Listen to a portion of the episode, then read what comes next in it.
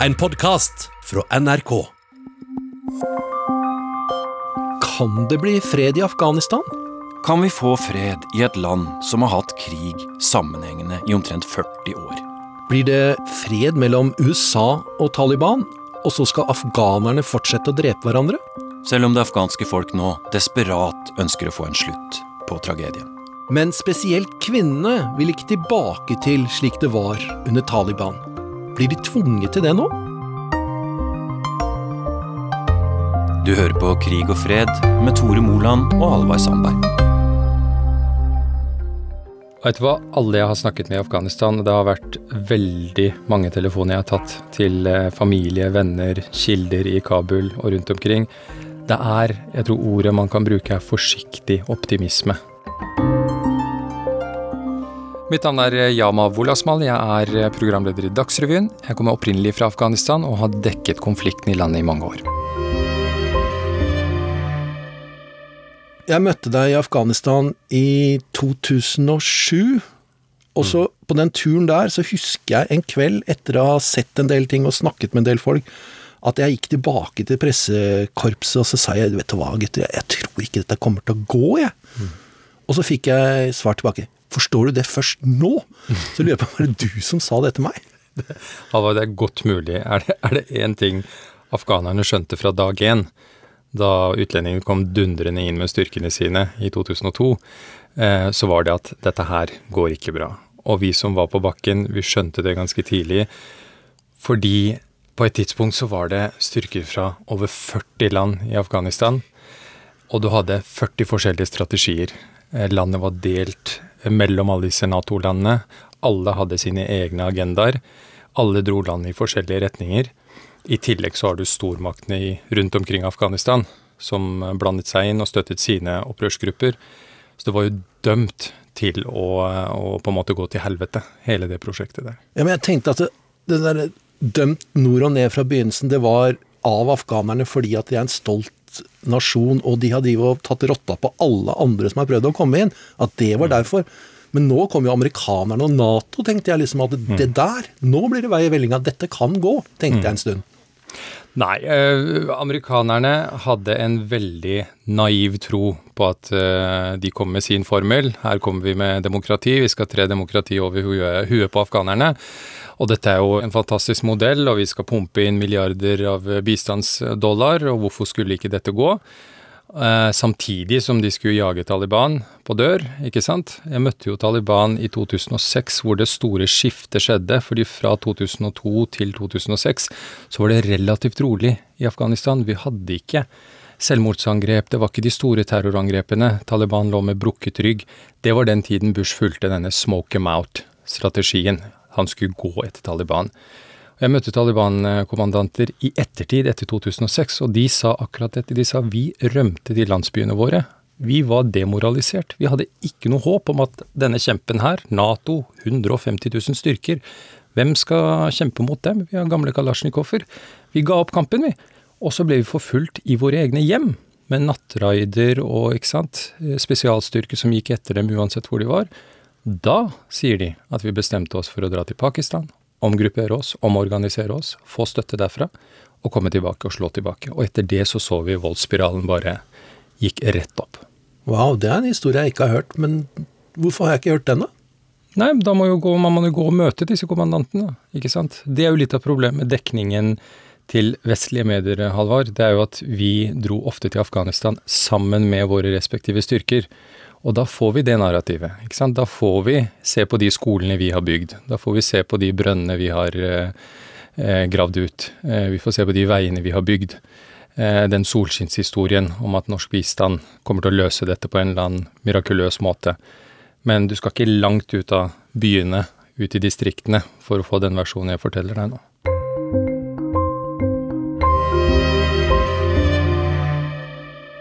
Tore, hva er det som sitter igjen fra Afghanistan-dekningen din? Personlig har jeg ett sterkt minne på netthinna. Kjører et norsk pansra kjøretøy gjennom Kabul, stikker huet opp av takluka. Guttunge på tre-fire år som eh, hilser til lua og blir rett i ryggen. Og tenkte dette er et rimelig krigsvant og gjennommilitarisert samfunn. Ja, det er det inntrykket jeg fikk også. Det, kanskje det kraftigste enkeltgreia mi er fra Maimane i 2007. Jeg så bilen som Kristoffer Søle Jørgensen kjørte i da han ble drept av en veibombe. Og det, der hvor han hadde sittet, så var det bare svært hull. Og samtidig fikk jeg høre historien om kameraten hans Kenneth Lysell, som kjørte i bilen bak. Den kvelden der så gikk det opp eh, et lys for meg. Et litt mørkt lys.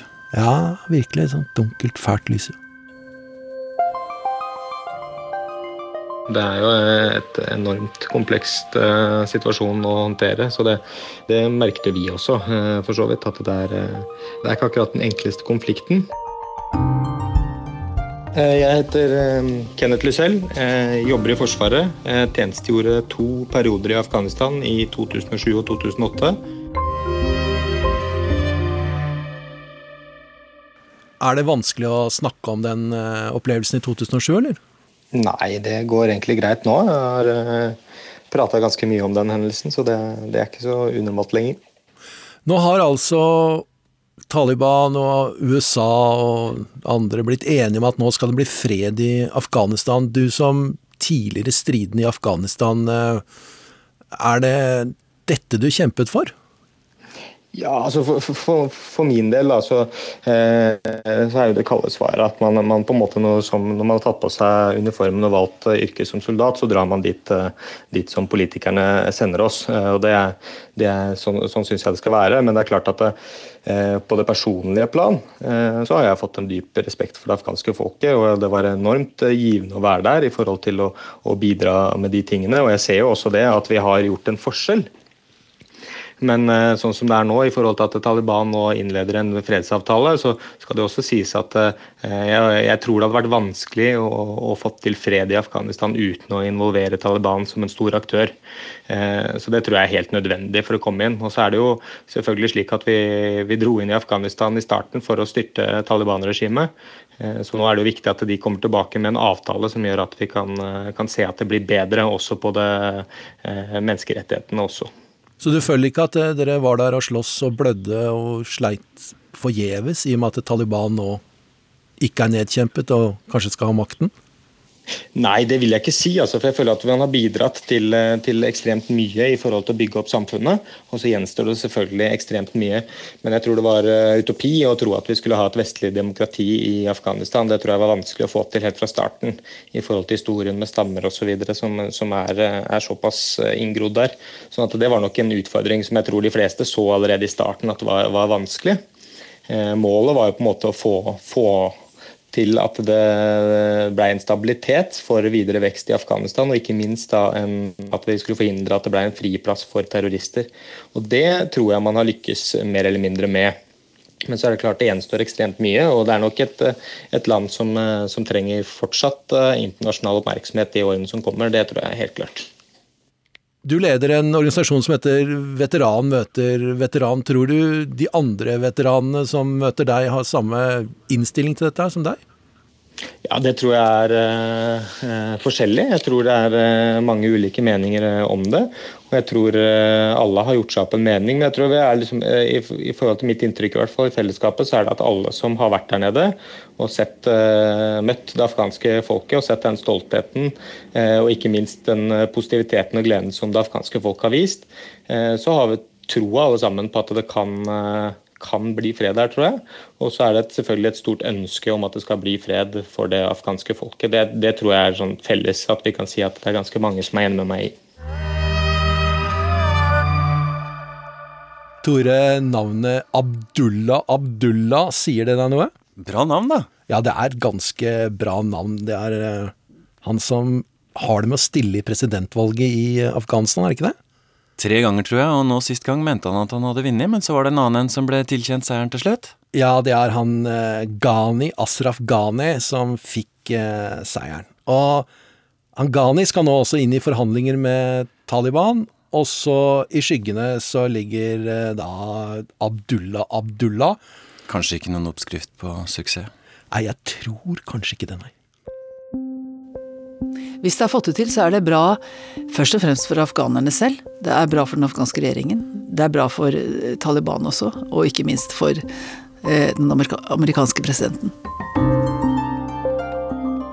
Jeg heter Gro Holm. Jeg har eh, vært i Afghanistan en del ganger fra 2008 til nå. Så har jeg vært korrespondent i USA og i Russland. Gro Holm, heter det Maiman eller Maimane? Ja, Maimane er visst riktigere enn eh, Maimane. Når det navnet kommer på den byen i Afghanistan, hva tenker du på da? Jeg tenker på da jeg var der i fjor, for ett år siden, temmelig nøyaktig. Eh, det var jo da en by som var helt eh, omringet av Taliban-kontrollerte områder. Fantes ikke kommersielle flyvninger inn dit. Jeg fløy inn med det afghanske forsvaret. Den basen som de norske soldatene var på inntil de forlot, eh, forlot den for noen år siden, den var nå helt overtatt av den afghanske hæren. Eh, og hver gang de dro utenfor bygrensa, så å si, så ble de angrepet av Taliban. Men nå skal det bli fred? Nå skal det bli fred. Håper, eh, i hvert fall amerikanerne, i hvert fall Trump, dette er Altså, for det første, Taliban er jo et mangehodet troll. Altså, selv om ledelsen i Taliban eh, sitter i Doha og skriver under på en avtale med eh, amerikanerne, så er det ikke sikkert at eh, alle taliber rundt omkring i landet mener at det er sånn det skal være. Så de har jo en jobb, Taliban, bare det å overbevise sine egne om at dette lønner seg. Men tror du det lønner seg for det afghanske folk at Taliban kommer nå inn og får mer makt og formell makt i landet? De fleste jeg snakket med i Faryab-provinsen, eh, der de norske soldatene var, mener at Taliban må inn i styre og stell, ellers så blir det ikke fred. Det er rundt 60 000 eh, talibanere med våpen rundt omkring i landet, og de har Om ikke de kan vinne krigen, så kan de hindre at regjeringssoldatene får kontroll over landet. Så da blir det ufred, ikke sant. Så da må de inn i styre og stell på en eller annen måte. Og så er det spørsmål hvordan skal det skje? Eh, det er så mange ting som må skje før man begynner å snakke om f.eks. frie valg. For eksempel. Så står det i den avtalen som ble inngått med amerikanerne at 5000 fanger, Taliban-fanger, skal løslates. Og de skal egentlig løslates før 10. mars. Før tirsdag neste uke. For da skal fredsforhandlingene med, mellom regjeringen og Taliban begynne. Det kommer ikke til å skje, har president Ashraf Ghani sagt. Eh, fordi det er mange ting som må på plass før det. Eh, eksempel så må vi kontrollere hver enkelt fange som skal løslates. Men har han vært med på avtalen? Nei, han har ikke vært med, fordi dette var jo bare Taliban og USA som satt og forhandlet. Og eh, amerikanerne skulle gjerne hatt med regjeringen, men Taliban nektet og sa niks. Det kom til og med folk fra regjeringen og satt på gangen nede i Qatar, Qatars hovedstad Doha, fordi de trodde de skulle få snakke med Taliban. Og Taliban bare avviste og sa nei, niks, dette bestemmer vi, dere er ikke med nå. Hvorfor ikke det? Nei, fordi de mente at eh, det, den regjeringen som sitter i Kabul bare er et marionettregime så lenge det er amerikanske soldater i Afghanistan, og da må du forhandle med dem som har makt, og det er amerikanere. Eh, og, og, det er i hvert fall slik at det er fryktelig ydmykende for en regjering å ikke sitte ved forhandlingsbordet når du forhandles med fred, og når det forhandles om løslatelse av fanger, om tilbaketrekking av utenlandske styrker fra landet, og så sitter ikke presidentens menn der er jo ekstremt ydmykende. Halvard, da har vi kommet fram til din eh, lille afghanske bokanbefaling. Ja, for jeg har lest noen skjønnlitterære bøker, og en som jeg aldri vil glemme, det er jo 'Drageløperen', som tegner en sånn veldig bredt lerret om Afghanistan. Men det er de der scenene fra Kabul eh, under Taliban som virkelig har eh, sitter hos meg, altså. Hva er det med 'Drageløperen' av eh, Khalid Hussaini? Det, er, det, virker så realistisk, det virker som det er ekte mennesker, og det er jo god skjønnlitteratur, men det fikk meg til å tenke på hvordan folk levde under Taliban, og at jeg absolutt ikke ville det.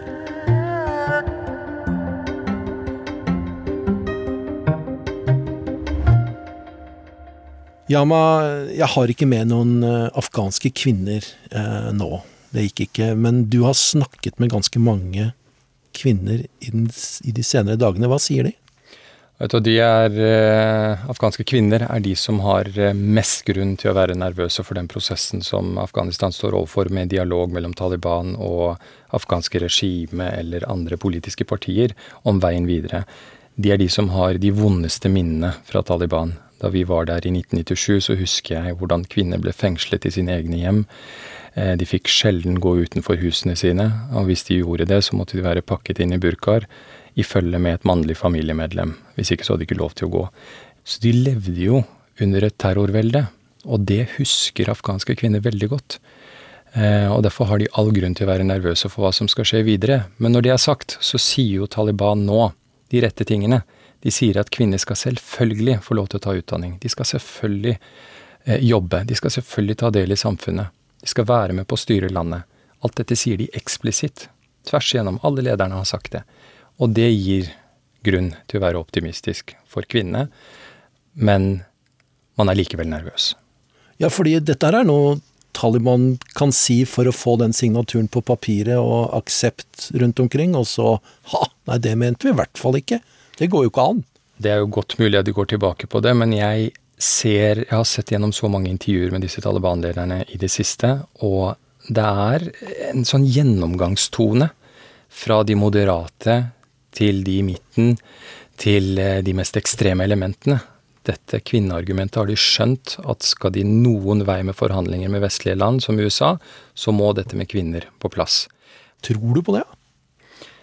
Vet du hva, som, som afghaner i dette tilfellet, så klamrer jeg meg til det håpet man har fått om en fred etter 40 år. Alvar, jeg er 40 år gammel. Så lenge jeg har levd, så har det vært krig i dette landet.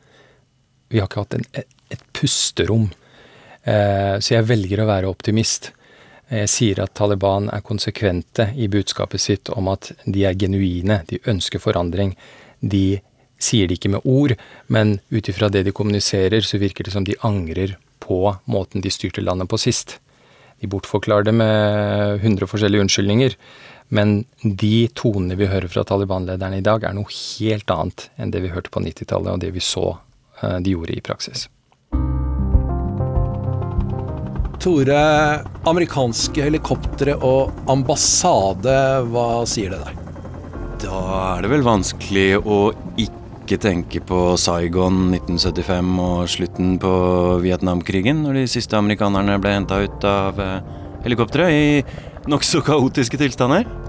To år i forveien, mener jeg, 1973, så hadde de inngått en avtale som da skulle sikre Sør-Vietnam. Og så tok Nord-Vietnam etter hvert og bare rullet over dem. Men hvorfor bringer du opp dette nå, Halvard? Kanskje vi ser noe samme nå? Gro Holm, jeg vet at du har studert historie, og slutten på Vietnamkrigen. Ser vi det samme nå? Altså en alliert av USA blir eh, etterlatt med en mektig fiende i eget land, og så tar det et par år, og så er det den mektige fienden som har tatt over alt. Er det det vi ser nå? Jeg er i hvert fall sikker på at eh, Trump-administrasjonen de ønsker seg ut, selv om det ikke skulle komme til noen eh, god avtale mellom regjeringen i Afghanistan og Taliban. Det har eh, amerikanske politikere gitt uttrykk for. Vi vil ut eh, uansett. Eh, så er det spørsmål Det kan komme en annen president i Det hvite hus. Da kan vi få en annen politikk. Da kan det hende at de, hvis det blir for blodig og for ille og for mange angrep, at man bestemmer seg for å bli med noen tusen allikevel. Eller så kan det, så kan det bli så stygt i Afghanistan at uh, Trump føler at uh, han må gjøre noe, må si at vi uh, holder noen tusen der til det er slutt. Med stygt så mener du at Taliban stormer inn i, mot Kabul, ja. sentrum av Kabul? Angrep som rammer amerikanske soldater i Kabul eller utenfor.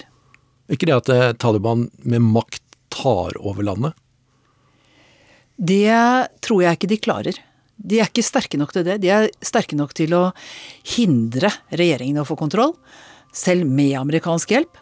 Men de er ikke sterke nok til å kontrollere hele landet militært. Hvis den afghanske hæren uten vennene sine fra USA bare legger ned våpnene? Det kommer de ikke til å gjøre.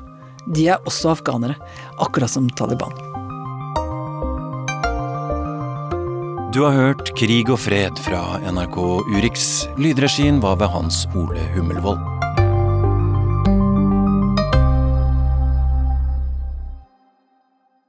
Du har hørt en podkast fra NRK. Hør flere podkaster og din favorittkanal i appen NRK Radio.